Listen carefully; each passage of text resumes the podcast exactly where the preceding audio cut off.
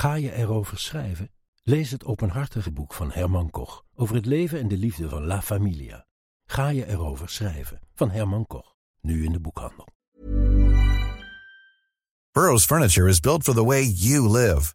From ensuring easy assembly and disassembly to honoring highly requested new colors for their award-winning seating, they always have their customers in mind. Their modular seating is made out of durable materials to last and grow with you. And with Burrow, you always get fast, free shipping. Get up to 60% off during Burrow's Memorial Day sale at burrow.com slash ACAST. That's burrow.com slash ACAST. burrow.com slash ACAST. There's never been a faster or easier way to start your weight loss journey than with PlushCare. PlushCare accepts most insurance plans and gives you online access to board-certified physicians who can prescribe FDA-approved weight loss medications like Wigovi and Zepbound for those who qualify. Take charge of your health and speak with a board-certified physician about a weight loss plan that's right for you. Get started today at plushcare.com slash weight loss. That's plushcare.com slash weight loss. plushcare.com slash weight loss. 5 december 1989. Het is een koude nacht in het Oost-Duitse Dresden. Maar in het kantoor van de beruchte Sovjet-veiligheidsdienst aan de Angelika-strasse is het warm. KGB-agenten zijn dag en nacht bezig met het verbranden van 12 vrachtwagens aan verzameld vertrouwelijk materiaal. Het zijn de jaren van glasnost en perestroika. In een ongekend tempo breekt de Sovjet-samenleving open. Een maand eerder is de Berlijnse muur gevallen en nu heeft de onrust ook Dresden bereikt. Een woedende menigte verzamelt zich voor het KGB-kantoor. Inmiddels heeft de verbrandingsoven het begeven. Stapels compromitterend materiaal liggen voor het oprapen. Dienstdoende commandant van dat moment, Vladimir Poetin, weet dat ze veruit in de minderheid zijn. Hij vraagt om hulp bij het opperbevel van het Sovjetleger. Het antwoord laat hem totaal ontgoocheld achter. We kunnen niets doen zonder orders uit Moskou. En Moskou is stil. Poetin herpakt zichzelf en loopt met een stalen gezicht naar buiten. In vloeiend Duits verkondigt hij aan de menigte dat ze zwaar bewapend zijn en klaar om te schieten. En wonder boven wonder, zijn bluff werkt en de menigte vertrekt. Ее цель – защита людей, которые на протяжении 8 лет подвергаются издевательствам, геноциду со стороны киевского режима. И для этого могут измениться... Sinds de inval van Rusland in Oekraïne vraagt de wereld zich af wie nou de echte Poetin is. Heeft hij last van grootheidswaan gekregen? Of hebben wij gewoon al die tijd niet goed opgelet? In deze podcast ga ik, Simon de Hupkes, op zoek naar de drijfveren achter de handelingen van Vladimir Poetin. Die al meer dan 20 jaar de koers van de Russische Federatie bepaalt. Hoe was zijn jeugd? Wie zijn zijn vrienden? En welke sleutelmomenten hebben zijn visie op de wereld bepaald? Welkom bij Wie is Poetin? In de vijfde aflevering van deze reeks onderzoeken we Poetins beslissingen op militair en internationaal vlak. Wat voor strategie hanteert hij? En met welk doel? Daarvoor praten we met militair historicus Christ Klep. Welkom Christ. Dankjewel. Die anekdote aan de Angelika-strasse in, in Dresden is misschien wel een van de beroemdste momenten uit uh, Poetins uh, carrière. Mhm. Waarom wordt dat gezien als zo'n sleutelmoment? Ja, om te beginnen moet ik erbij zeggen dat er verschillende variaties zijn op Oh, dat verhaal. Dat is dan weer jammer. Er is er ook weer eentje bij waarbij eh, Poetin zegt er staat een tank achter de muur. en eh, als ik met mijn vingers knip, dan eh, komt die Ja. tank naar voren. Dus er zijn ook weer allerlei variaties op dat, eh, op dat thema. Die overigens Poetin zelf in de wereld heeft Ja. geholpen. Dus Ja. past weer helemaal in zijn manier van doen. Maar even Maar- voor de duidelijkheid, de, de teneur blijft hetzelfde. Met bluff en het dreigen van het gebruik van geweld redt hij zich uit die situatie. Precies. En, en vanaf dat moment discussiëren deskundigen, psychologen over wat heeft dit nou betekend. Hè? Dat moment voor zijn verdere carrière. En er zijn heel veel meningen over, maar er is wel één mening die eh, de meesten wel delen, denk ik. En dat is dit een moment is geweest waarop eh, Poetin ontdekt dat, zoals je zelf al zei, Moskou blijft stil. En hij heeft zichzelf waarschijnlijk op dat moment voorgenomen om Moskou nooit meer stil te laten zijn, zou je kunnen zijn. Ook als hij zelf uh, machthebber zou worden.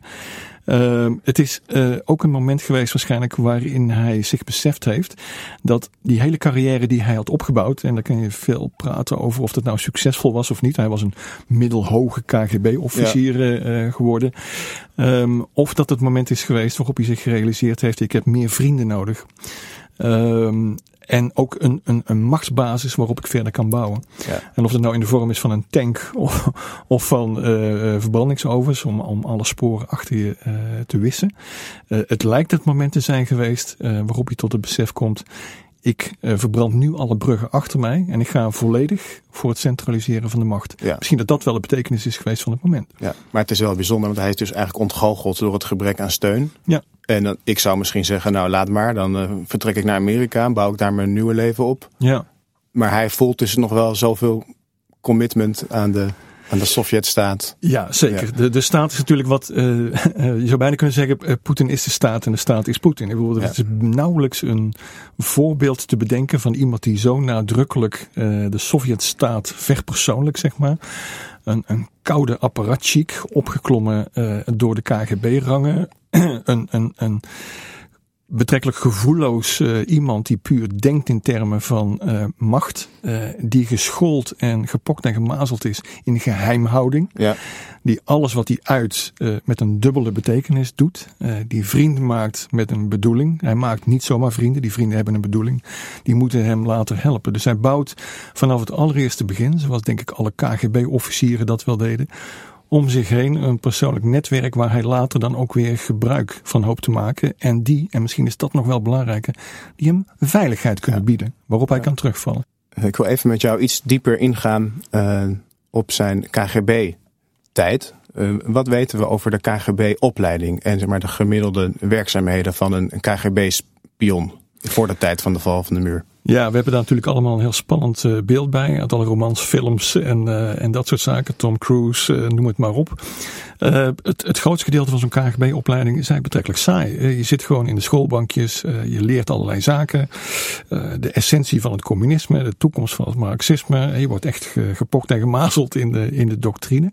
Verder leer je een aantal handige vaardigheden. het vervalsen van documenten bijvoorbeeld, herkennen van vervalste ja. documenten. het aanleggen van verbindingen. Dus je leert hoe radio's werken bijvoorbeeld. Je leert hoe je satellietfoto's moet uh, interpreteren. En maar voor een heel klein gedeelte is weggelegd, ja, wat dan toch wel wordt gezien als de elitefunctie binnen de KGB. En dus dat je een buitenlandse post krijgt. Ja. En dan kom je bijvoorbeeld terecht op een, uh, om een ambassade, vaak onder de noemer van militair attaché ja. of cultureel attaché. Waarvan iedereen in het Westen onmiddellijk wist, oké, okay, dat is de spion. Ja. dat is de spion van de KGB. Uh, dus het is een heel breed pakket. Uh, maar het grootste gedeelte van het werk is toch betrekkelijk saai.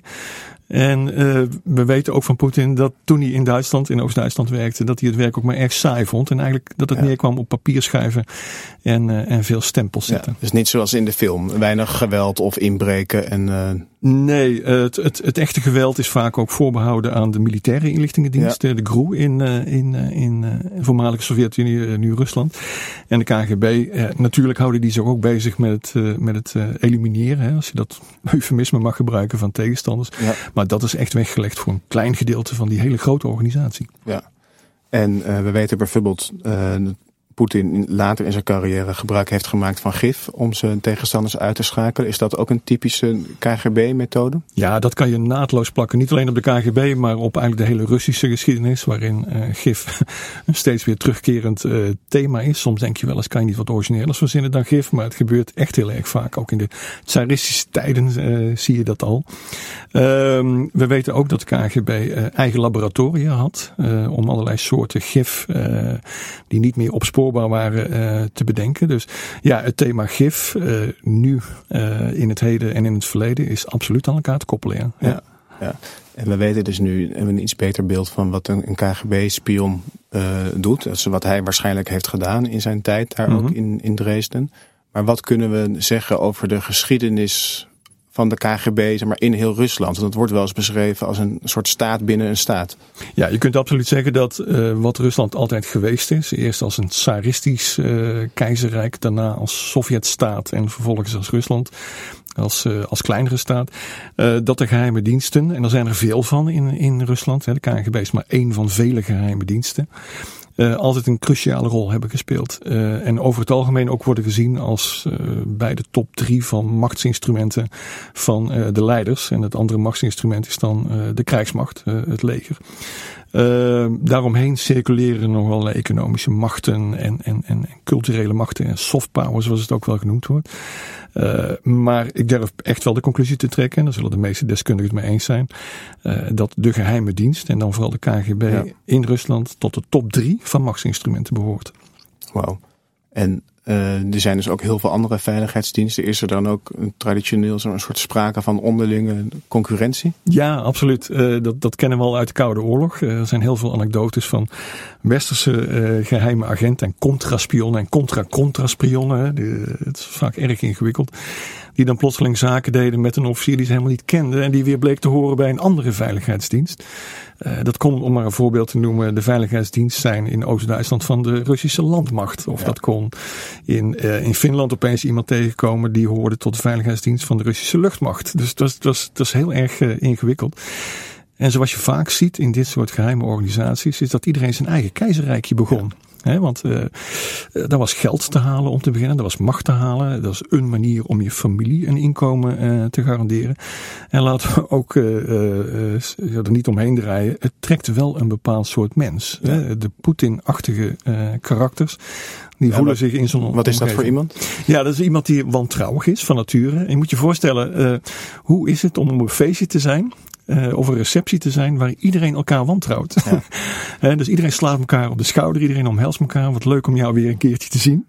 En iedereen weet van die ander dat ze iets van hem willen. Of dat ze iets van hem te duchten hebben van die persoon. Of kijken naar die persoon en zeggen wat voor inlichtingen kun jij mij geven waar ik weer goede sier mee kan maken. Het is eigenlijk een, een, circus van wantrouwen. En ja, Poetin heeft zich daar altijd erg in thuis ja. gevoeld.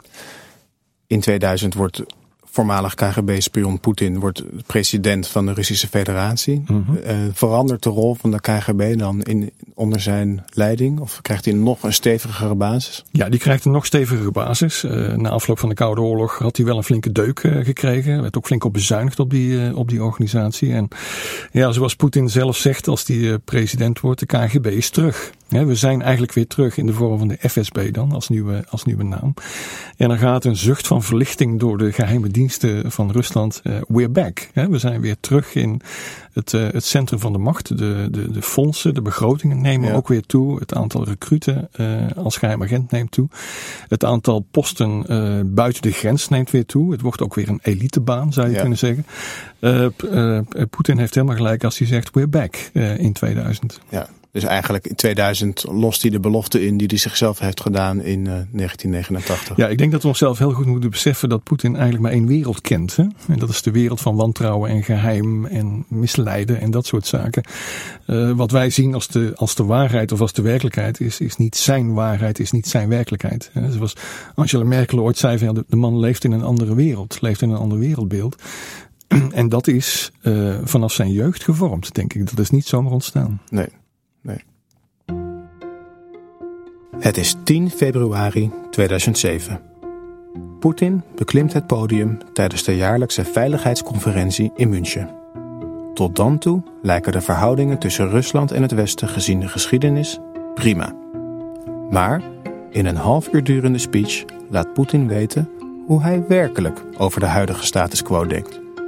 Hij maakt het Westen en met name de Verenigde Staten zware verwijten de uitbreiding van de NAVO, het onbegrensde gebruik van hun militaire macht en hun minachting van internationaal recht. Niemand is op deze manier veilig, zegt Poetin. Niemand. Hij laat zijn toehoorders verbijsterd achter. Een paar maanden later gaat Poetin een stap verder. Hij vergelijkt Amerika met het Derde Rijk. Zijn boodschap is duidelijk. De wereld moet weer rekening houden met Rusland. Een jaar later vallen Russische tanks Georgië binnen. Christ, jij wilde dit sleutelmoment uh, behandelen. Ja, ik, uh, je gebruikt het woord verbijstering al en ik kan me dit moment ook gewoon zelf wel goed herinneren. uh, kwam net van de universiteit, of werkte op de universiteit, was veel bezig met veiligheidsproblematiek, had bij Defensie gewerkt en kende dus veel mensen. En wij waren toch allemaal wel een klein beetje verbijsterd. Overigens wel een verbijstering gemengd, zeker bij de conservatieven uh, binnen de NAVO. Van, zie je wel, ja. we hadden hem nooit moeten vertrouwen. Uh, gelukkig, de Koude Oorlog is weer terug. Laten we de twee kanten van de medaille wel even benoemen. maar we bleven toch vooral ja. achter met, met, met verbijstering. En waar zat die verbijstering in? Wat was het wat Poetin zei, waardoor hij zijn masker liet vallen? Ja, we, we, nou waren we daar verdorie bezig geweest, vanuit het Westen. Althans, dat is het narratief vanuit het Westen natuurlijk. En een aantal jaren bezig geweest. Bijvoorbeeld Obama uh, was bezig geweest met wat hij noemde de reset. Hè? Dus hij wilde de Amerikaans-Russische verhoudingen weer op uh, betere orde brengen. Uh, de Russen waren uitgenodigd in het NAVO-hoofdkwartier. Deden ja. mee aan het Partnership for Peace-programma. Ik herinner me dat ook nog heel goed. Omdat als je dan in Brussel rondliep, liepen er opeens mannen met hele grote petten rond. En dat waren dan de Russen. Die zaten dan niet in het hoofdkwartier zelf, maar die hadden dan wel een gebouwtje aan de zijkant ja. van het terrein gekregen. Want helemaal vertrouwen kon je ze natuurlijk ook, ook weer niet.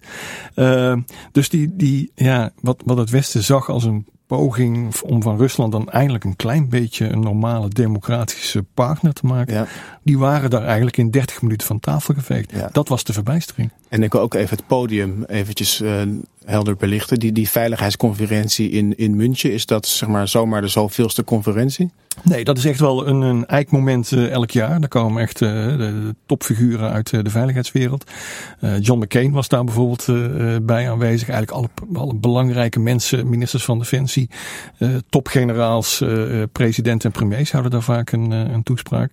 En dit werd over het algemeen wel gezien, ook de voorafgaande jaren, als het moment waarop we eens even zouden kijken ja. hoe het met Rusland stond in verhouding tot de NAVO. Dat was een belangrijk moment. Ja, dus hij was een soort eregast, ja. kan je bijna zeggen. En we hadden gehoopt dat hij hè, alles zou bevestigen, de goede ja. bedoelingen. Er was ook veel boosheid, kan ik me ja. herinneren. Ook uh, uh, binnen, ik herinner me nog een, een actualiteitenprogramma diezelfde avond, waarin uh, de minister van Defensie hier in Nederland echt boos was. Ja. Hè, boos op die, die, die stomme Poetin, hij zei het zo niet letterlijk. die eigenlijk een beetje verraad had gepleegd aan alle toenaderingspogingen. En, en laten we ook eerlijk zijn, de NAVO had ook geld gestopt in Rusland. Dat kunnen we nu onszelf niet meer zo goed voorstellen. Maar om het Russische leger te democratiseren. Dus het gevoel was toch ook wel een klein beetje, niet alleen van verbijstering, maar ook wel een beetje van teleurstelling en misschien ook wel een klein beetje van verraad, denk ja, ik. Ja. ja. En toen de tijd speelde ook mogelijke toetreding van Oekraïne en Georgië tot de NAVO. Ja, dat, dat, begon. Was, ja, ja, dat was misschien ook wel de reden dat Poetin een krachtig signaal wilde ja, je ziet hier echt, sommige mensen zeggen achteraf en ik zelf ook van het, het kon niet. Het zou onmogelijk zijn geweest dat Poetin echt met Rusland uh, die democratische weg helemaal was opgegaan. En bijvoorbeeld, zoals in het begin nog wel sprake van was, Rusland tot lid van de NAVO zou hebben gemaakt. Ja. Kunnen we onszelf nu niet meer voorstellen. Mijn mening is altijd geweest dat dat onmogelijk zou zijn geweest. Ja. dan zou Rusland zo open zijn komen te liggen voor democratische invloeden, economisch kapitalisme zou je kunnen zeggen, maar ook van militaire invloeden van buitenaf. Uh, dat zou uh, Rusland en de machtspositie van uh, Poetin echt ondergraven hebben. Ja. En ik denk dat het keermoment echt wel ligt in 2006, 2007. Dat hij definitief tot de conclusie komt: dit gaan wij niet doen. We gaan niet die westerse kant op. We gaan nu onze eigen weg. Ja, het is wel goed dat je het zegt, we kunnen het ons bijna niet meer voorstellen. Maar zo was het natuurlijk wel. In die eerste jaren van zijn presidentschap ja. was er heel erg een toenadering. En leek dat allemaal vanuit ons perspectief de goede kant op Zeker. te gaan. Ja. Um, dan op een gegeven moment valt dus Poetin Georgië binnen. Was daar, wat was daar zeg maar de zogenaamde aanleiding? Ja, de, je zegt heel terecht de zogenaamde uh, aanleiding. Georgië was natuurlijk militair gezien totaal geen bedreiging voor, uh, voor Rusland, in tegendeel zelf. Uh, maar daar ontstond een democratische beweging onder president Saakashvili. Poetin meende uh, of gebruikte een argument wat hij heel vaak gebruikt heeft. Dat is dat de Russische minderheid ook uh, in dat gebied uh, bedreigd werd. En verving toen de vredestroepen die hij had gestationeerd in het gebied echt door een invasie. Poetin probeerde de inval in Georgië dus als een vredesmissie voor te stellen. Ja, dat was het natuurlijk niet. Het was gewoon een, een overname van het land, militair gezien. Maar is wel weer een van de duizenden, tienduizenden voorbeelden van de manier waarop Poetin en de Russische staat uh, voortdurend iedereen zand in de ogen strooit. Uh, dat gebeurt met woorden, dat gebeurt met daden. Ik heb Poetin wel eens vergeleken met uh, de, de speler van een Rubik Cube, van zo'n Rubik's kubus. Mm -hmm. Die, die kan je een x aantal keren heen en weer draaien. En ik stel me dan voor dat hij s'morgens wakker wordt en hij geeft zijn maîtresse een kusje. En hij gaat dan op, de, op het nachtkastje met zijn, uh, zijn strategische Rubik Cube uh, spelen. En dan kan hij allerlei assen draaien. Dus hij kan bijvoorbeeld zeggen, nou geografisch ga ik nou een beetje prikken in de Baltische Zee. Hè, dus ik ga wat vliegtuigen laten rondvliegen. Tegelijk laat ik wat troepen manoeuvreren richting Syrië. Ik ga wat prikken op uh, vredesconferenties. En ik doe ook een heel groot vredesvoorstel. He, alles moet beter. En dan alles, alles binnen die kubus, dat heeft hij onder controle. Ja. En dat is eigenlijk één grote façade, zou je kunnen zeggen, die kubus. De Russen hebben daar een mooi woord voor. Dat is een maskirovka. Uh, het, het, woord zit er al in, hè, maskeren. Um, en wat we ons goed moeten beseffen is dat dat iets anders is dan propaganda. Propaganda ja. heeft vaak nog wel een kern van waarheid. Maskirovka is het volkomen in het ongewisse laten van je tegenstander en ook van de Russische bevolking door simpelweg verhalen te verzinnen. Ja. Um, een voorbeeldje. Uh, nee hoor, wij hebben MH17 niet neergeschoten. Al het bewijs. Ja. uh, iedereen in de wereld is ervan overtuigd dat de Russen MH17 hebben neergeschoten. Nee hoor, het Russische opperbevel in Moskou zegt. Nee, dat hebben de Oekraïners gedaan. Oh, dat kunnen we niet echt bewijzen. Uh, nou, dan moeten we even een ander verhaal verzinnen. En zo, ja, dat is een, een zich ontrollende maskirovka, een façade. Uh, de Russen hebben daar ook een ander mooi woord voor. Dat is Potemkindorp. Dat is een historische uh, analogie uit de tijd van uh, de eerste tsaren, tsarina Catharina. Die had een, die had een, een minnaar, dat was graaf Potemkin. En die beheerde het gebied wat nu Oekraïne is. En Krim, ja. hoe ironisch kan het zijn? Uh, dat is een heel arm gebied. En als de tsarine dan op bezoek kwam, uh, dan maakte hij façades. Dus dan liet hij iedereen, uh, alle bevolking mocht even in nette kleren. alle weilandjes werden aangeharkt. Alle huisjes werden even neergehaald. Er werden façade voor in de plek gezet. Fris, fris geschilderd. De tsarine komt voorbij. Wat gaat het hier toch fantastisch. Dankjewel, graaf Potemkin. En zodra de tsarine weg was, werden al die dorpjes weer plat gegooid. gegooid. En dat ja. heet dus een Potemkindorp. Potemkindorp. En het werkt dus ook, want hij, binnen zijn Rubik's Cubus heeft hij dus controle. Maar ik als simpele jongen die de, het nieuws volgt, blijf in verwarring achter. Precies. En, en Georgië past natuurlijk helemaal in die Rubik Cube. Hè. Uiteindelijk kon hij dat wel, uh, wel handelen.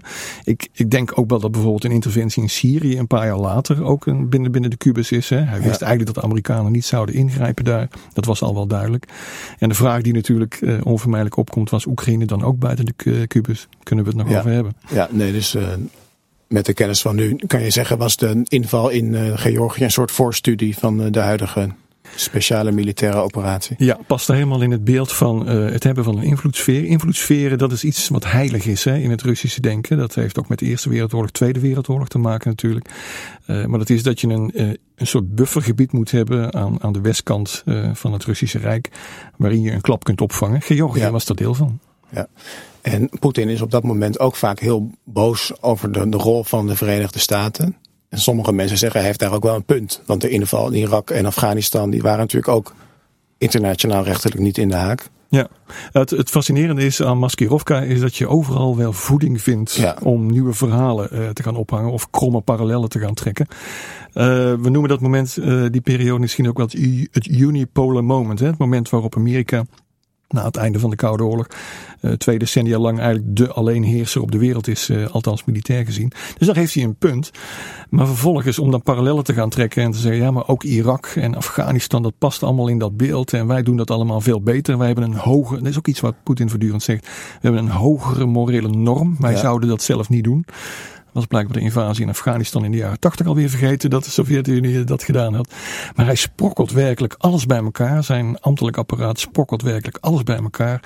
Minister van Buitenlandse Zaken Lavrov vind ik daar een perfect voorbeeld van. De man liegt alles ja. bij elkaar, ontkent alles, is geen enkel probleem. En dat past allemaal in dat beeld van Maskirovka. Maart 2014. Op de Krim, het Oekraïnse schiereiland aan de Zwarte Zee, duiken zwaar bewapende militairen op. Ze dragen donkergroene uniformen zonder embleem en komen daarom bekend te staan als de Groene Mannetjes. Alle vingers wijzen naar Rusland. Maar president Poetin geeft geen krimp. Met een minzame grijns verkondigt hij dat het spontane zelfverdedigingseenheden zijn. Hun Russisch ogende uniformen hebben ze waarschijnlijk bij een lokale winkel gekocht. Binnen twee maanden hebben de groene mannetjes het schiereiland ingelijfd. Pas dan bevestigt Poetin de aanwezigheid van het Russische leger op de Krim. En biedt hij alle inwoners een Russisch paspoort aan. Welkom bij Rusland. Christ, deze episode op de Krim wordt wel gezien als een huzarenstukje van Poetin, Mhm, militair mhm. strategisch gezien. Mhm. Eh, dan kan je uitleggen waarom? Ja, het, eh, weer een voorbeeld van die Maskirovka eh, natuurlijk. We hadden het net al even over die kubus. Past Krim binnen de kubus? Ja, de Krim past binnen de kubus. Eh, Ja. Poetin wist eigenlijk van tevoren ook al wel dat het Westen niet zou ingrijpen. En het is ook niet verder gekomen dan wat scheepsbewegingen in, eh, in de Zwarte Zee. Ja. Dus het was een, een gok, maar een gok waarvan hij wel wist dat hij goed zou uitpakken. Ja, en de Oekraïnse strijdkrachten waren dus ook geen, eh, geen match voor die groene mannetjes. Nee, ik moet altijd heel vriendelijk lachen als ik eh, dat, weer dat verhaal hoor. Ja, het zijn vrijwilligersbataljons geweest hè, van, eh, uit de Krim zelf. Nou, waar haal je een vrijwilligersbataljon vandaan dat in staat om met 40 helikopters vanuit een militaire eh, luchthaven in Rusland zelf naar de Krim te vliegen en daar een georchestreerde luchtlanding uit te voeren? Dat zijn wel verdraaid goede vrijwilligersbataljons. Ehm, en het fascinerende is ook, ja, minister Shoigu zei ook van, ja, het, toen gevraagd werd van, wat zijn het nou eigenlijk voor mensen? En toen zei ja, het zijn gewoon hele vriendelijke, eh, hulpvaardige mensen die even komen eh, kijken op de Krim en daar de mensen komen helpen. Er is een fantastische scène eh, op de BBC terug te vinden, ook wel op, op YouTube, waarin een journalist vraagt aan een Russische kolonel, kolonel, wat zijn dit nou voor troepen? Ja. ja. En dan zegt de kolonel, die kijkt zo een beetje om zich heen, dan zei ja, welke troepen? En op de achtergrond zie je dus allemaal lege vrachtwagens voorbij komen en, en je hoort de helikopters in de lucht. En dan kijkt nog eens om zich heen en de BBC-journalist vraagt het nog een keer. Ja, maar wat, wat zijn dan die mensen achter u? Wat zijn het dan? Ja, dus ik, welke mensen bedoelt u nou precies? Ik zie helemaal niemand. Nou, dat is wel een, kenmerkend aspect van die Maskirovka. Het gaat vaak eh, nog eigenlijk voorbij geloofwaardigheid. Het gaat tot in het absurde. En ik denk dat dat ook precies de bedoeling De is. bedoeling is, je laat zien van ik kan dit gewoon ontkennen. Ik sta hier gewoon te liegen en ik kom er mee weg. Ik heb Ja. de macht. Ja. Ja. Ehm, dit is ook een beetje de, de tijd dat eh, Poetin eh, door sommigen ook wordt gezien als een soort meesterstrateeg. Ja. Eh, en dat hij dus de, de Amerikaanse verkiezingen beïnvloedt met mogelijk desinformatie. Hij pakt de Krim eventjes in een, in een paar weken. Ehm, hij zit misschien wel achter een een Brexit, dat hij Mhm. dat daar een beetje eh, opstookt. Mhm. Eh, hoe kijk jij daarnaar? Ja, we hebben eh, denk ik Poetin, maar dat is het gelijk van de historicus achteraf natuurlijk, een, een soort boven, bovenmenselijke, bovennatuurlijke krachten toebedeeld. Ik heb hem toch altijd wel gezien als de speler met de Rubik Cube. Als degene die heel goed wist wat hij deed. En dat wel verpakt heeft in een, in een groot Potemkin-dorp zou je kunnen zeggen. Je zou kunnen zeggen de Russische buitenlands, is, buitenlands beleid is een Potemkin-dorp. Maar ik heb hem nooit gezien als een meesterstrateeg. En ik heb zijn invloed op. eh, ik heb er zelf ook nog wat onderzoek naar gedaan. Als je kijkt wat nou precies de invloed is geweest van de Russische geheime dienst op de Amerikaanse verkiezingen bijvoorbeeld, is dat betrekkelijk beperkt. Er zijn geen aantoonbare aanwijzingen dat de Brexit mede is beïnvloed eh, door, door de Russen. En natuurlijk zijn er een aantal succesvolle acties geweest op social media en er zijn een aantal dingen eh, in gang gezet die werden overgenomen als waar. Maar zelfs de inlichtingendiensten van de Amerikanen komen er op dit moment toch wel achter dat ze weliswaar zeggen van nou zitten een paar knap staaltjes tussen van misleiding. Maar wij kunnen niet concluderen dat de Russen op dat soort terreinen, dus het beïnvloeden van de verkiezingen of Brexit, echt een wezenlijke invloed hebben gehad. Ja. We moeten Poetin ook niet overschatten wat dat betreft. Nee, niet onderschatten, maar ook niet overschatten. En wat, we misschien ook kunnen zeggen is, we kunnen er inmiddels beter mee omgaan met die Maskirovka. En dat waren we toen misschien nog minder toe in staat. Exact. Ik kijk wat dat betreft altijd graag naar eh, de Oekraïners. Dat zijn eh, natuurlijk hele goede leerlingen zou je kunnen zeggen, tovenaarsleerlingen. Eh, zij hebben natuurlijk het voordeel tussen dikke aanhalingstekens dat ze eh, zeker de wat oudere officieren van de Oekraïnse geheime dienst de Sovjet-tijd nog hebben meegemaakt. Dus die weten precies hoe hun collega's aan de andere kant van de grens eh, opereren. Maar je ziet dat de Oekraïners snelle leerlingen zijn. En wij zijn natuurlijk ook best wel snelle leerlingen geweest hoor. We hebben al heel snel door wat dan die Russische tactieken waren, strategieën waren. Maar is natuurlijk geen beter voorbeeld te bedenken dan de Oekraïnse geheime dienst of het Oekraïnse krijgsmacht zelf. Ehm, die zo snel hebben geleerd van wat de Russen deden en hun desinformatiecampagnes, dat ze daar nog een veel betere desinformatiecampagne tegenover, Tegenover hebben gezet. zetten, ja. En eh, Zelensky is daar natuurlijk het, eh, het perfecte voorbeeld Die is van. daar een meester in. Ja. Laten we dan ook even, nu we het toch over hebben, meteen ingaan op de huidige oorlog in Oekraïne. Mhm. 24 februari valt eh, Poetin ja, eerst Oost-Rusland in, maar ze willen eigenlijk ook meteen doorstoten naar Kiev.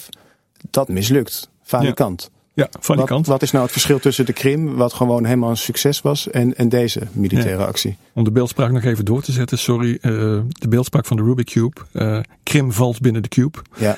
Oekraïne niet. En uh, ik sta ook te boek als ik dat toen al wel gezegd heb. Dat je simpelweg ook op basis van historische vergelijkingen uh, je een rekensommetje kunt maken. Als Rusland een land van 41 miljoen inwoners had willen bezetten. En de omvang van een groot gedeelte van West-Europa.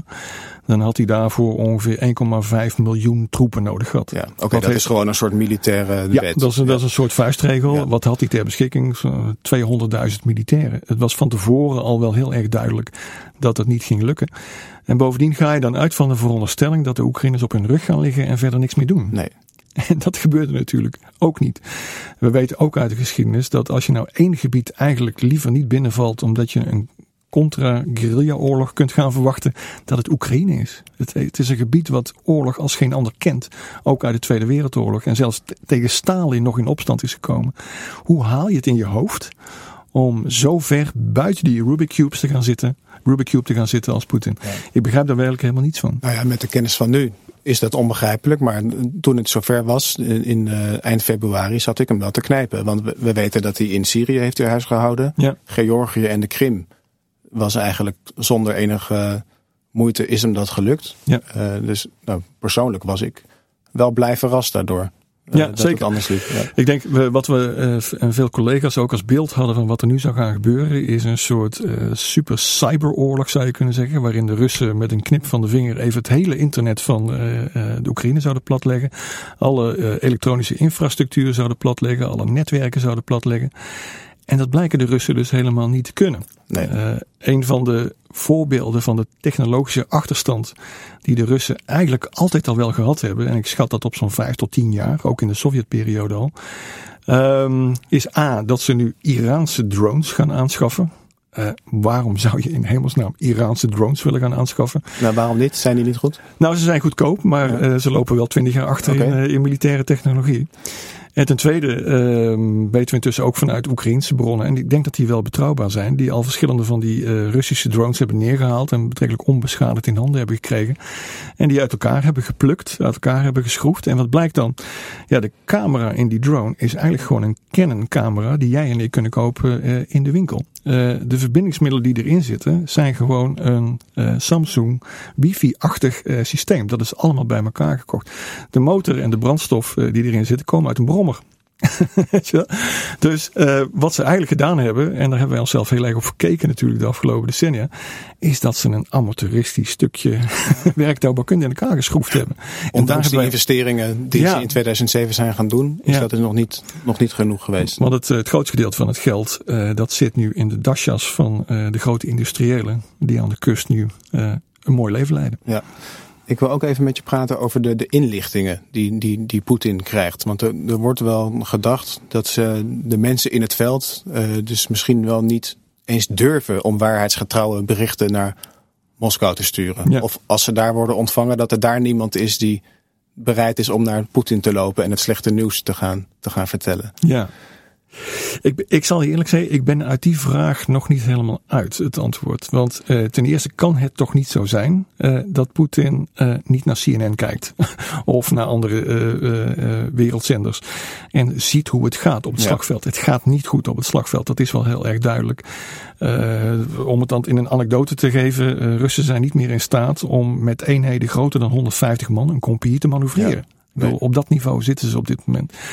Uh, tegelijk doet zich hier het fenomeen voor, denk ik, wat je ook hebt gezien aan het einde van de Tweede Wereldoorlog, 1944, 1945. Uh, waarbij de Duitse generaals op hun kaarten divisies intekenden rond Berlijn, ja. die er simpelweg niet meer waren, omdat ze Hitler niet durfden te vertellen dat Berlijn eigenlijk voor een groot gedeelte onverdedigd was.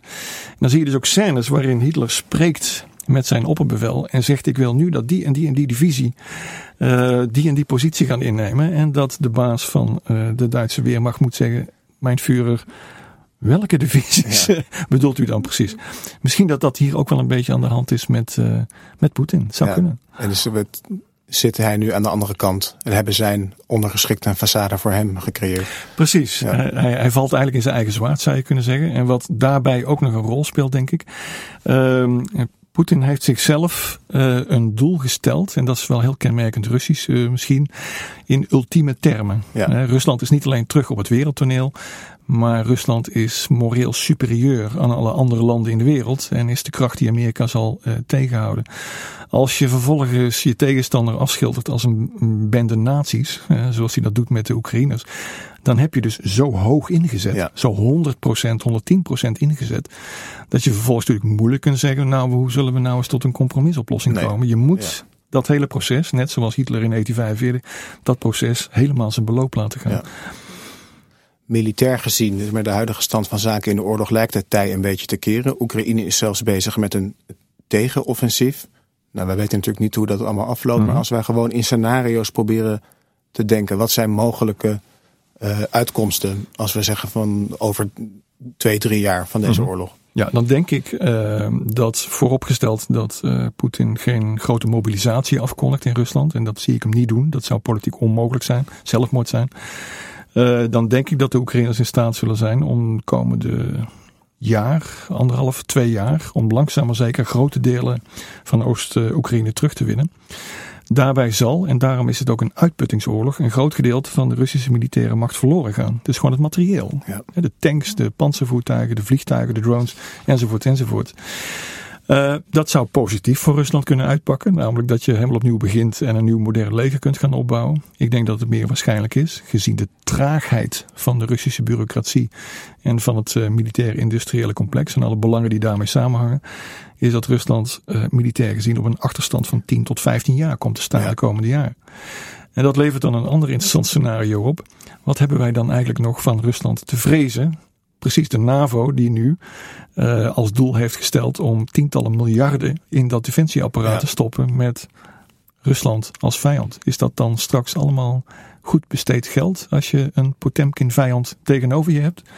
En dat lijkt me een, eh, in Brussel bij het NAVO-hoofdkwartier een, een onmogelijke oplossing om daar iets voor te bedenken. Ja, ja, dat is lastig. Maar misschien komt er wel weer een andere uitdaging waarvoor het dan handig is om, om een militair apparaat te hebben. Ik wil nog heel eventjes, want we hadden natuurlijk eigenlijk al een oorlog in de Donbass voor de nieuwe inval van Ja. 24 februari. Ja. Dat was een soort slapend, sluimerend conflict. Is dat ook nog een mogelijke uitkomst? Dat gewoon de huidige oorlog door blijft sluimeren, nog jaren en jaren. Dat, dat, denk ik eerlijk gezegd niet. En dat ontleed ik aan het feit dat eh, de Oekraïners zulke goede leermeesters zijn. Om dat e- even in anekdote te laten eh, blijken. Eh, de Oekraïners krijgen van Nederland panzerhouwitsers, rijdend geschut, zwaar rijdend geschut. En die jongens komen hier naartoe om, om de instructie te krijgen op dat apparaat. Normaal gesproken heb je daar twee weken voor nodig. Wat blijkt, eh, de Oekraïnse jongens die hier naartoe komen, hebben eigenlijk binnen twee dagen wel door Ja. hoe dat ding werkt. Want ze zijn allemaal computernerds en ze zijn allemaal hartstikke goed in het ontleden van allerlei ingewikkelde systemen. Sterker nog, ze zijn in staat geweest om dat wat wij aan hun geleverd hebben, en wat in staat was om elke twee minuten ongeveer een schot af te geven, zijn ze in staat geweest om, om dat te verkleinen met nieuwe software die ze zelf ontwikkeld hebben en in dat apparaat hebben Wauw. gestopt. Tot, eh, tot een paar minuten. En wij staan daarbij te kijken. En veel NAVO-landen hebben nu zoiets. Nou, het zijn wel hele goede tovenaarsleerlingen. Op basis daarvan alleen al, denk ik, dat een Oekraïense militaire overwinning in Oekraïne zelf, dus dat ze de Russen echt terugdrijven over de grens, dat dat tot mogelijkheden Ja. behoort. Interessant. Prachtig, prachtig idee. Ehm, deze aflevering heet Poetin de Strateeg. Eh, we hebben iets geleerd over ja, zijn opleiding in, in strategisch denken. Zijn successen en het lijkt erop eh, nu zijn, zijn mislukkingen. Als je kijkt naar wat we vandaag besproken hebben, wat is dan de les die we kunnen trekken over zijn strategisch denken? Ik denk dat de eh, en dan zijn we begonnen met, met Dresden, hè, dat hij zegt van ik heb een tank achter de muur staan. Letterlijk de Maskirovka muur zou je kunnen zeggen, de Potemkin muur. Die tank die was er waarschijnlijk helemaal niet. En ik denk dat we van Poetin kunnen leren dat hij dat nooit vergeten is. Dat hij dat altijd weer opnieuw gedaan heeft. Dat hij altijd weer is teruggevallen als stratege op Maskirovka, op verwarring zaai, enzovoort, enzovoort. En ik denk dat de les die we kunnen leren over Poetin is, dat houdt een bepaald moment gewoon op. Het komt een moment waarop we met z'n allen in de wereld zeggen, en ik denk dat ook voor China geldt bijvoorbeeld, ja, deze man is, eh, is, is voor een groot gedeelte ook een beetje een fenomeen, meer dan dat hij een echte, hele slimme machthebber is. Als dat de les is van eh Poetins eh, rol als strateeg, dan denk ik dat we langzaam maar zeker zijn gekomen bij het einde van het boek, Poetin. En dan zou het me niks verbazen dat over een jaar of twee jaar we een nieuwe Potemkin in Moskou hebben. Die het weer gaat proberen. En dat is het dan. Ja. Razend interessant. Dankjewel voor je komst. Chris Klep. Graag gedaan. Je luisterde naar Wie is Poetin? Wil je meer weten over Oekraïne voor de oorlog? Het land dat maar niet wil lukken van Fleur de Weert is het boek dat je zoekt. Of lees Ze kwam uit Mariupol van Natasha Rodin. Deze boeken kun je bestellen bij boekenwereld.com schuine streep Wie is Poetin? In de volgende en laatste aflevering van deze podcastserie spreek ik met Ruslandkenner Laura Starink over de imperialistische droom van Poetin. En waarom Rusland altijd slachtoffer is en nooit dader. En die vrouw die keek mij plotseling heel doordringend aan en zei tegen mij: Vertel me nou eens, meisje, waarom willen jullie ons zo graag van de kaart vegen?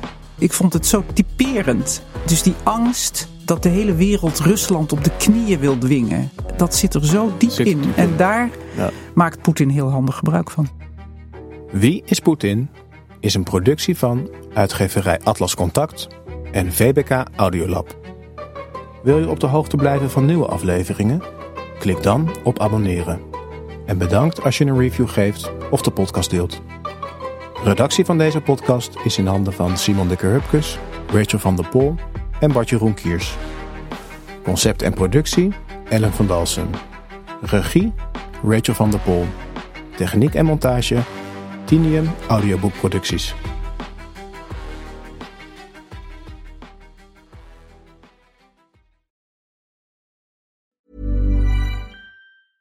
Hiring for your small business? If you're not looking for professionals on LinkedIn, you're looking in the wrong place. That's like looking for your car keys in a fish tank. LinkedIn helps you hire professionals you can't find anywhere else, even those who aren't actively searching for a new job but might be open to the perfect role. In a given month, over 70% of LinkedIn users don't even visit other leading job sites. So start looking in the right place. With LinkedIn, you can hire professionals like a professional. Post your free job on linkedin.com/people slash people today. Profiel nog eens zien. Sophia, 28. Advocaat. Yes! Eh, doe wat nodig is. Het belangrijkste is haar persoonlijke omgeving leren kennen. Hi, jij bent Sophia. Hi. Hi, ik ben Jonathan.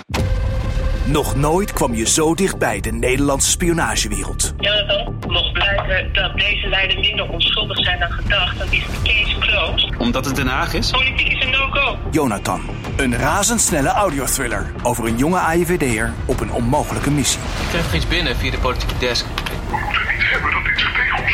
Een verhaal over Russische inmenging in de politiek. En over macht en ambitie. Ik heb dus de hele tijd het idee dat ik iemand zie. I said no. Go away. Don't be stupid. Don't! Sophia! Sophia! Gebaseerd op de ervaringen van voormalig AIVD'er Inze Martin. Jonathan, Ja? kijk uit hè. Dat je niet vergeet waarom we dit doen. Nu in je favoriete podcast-app.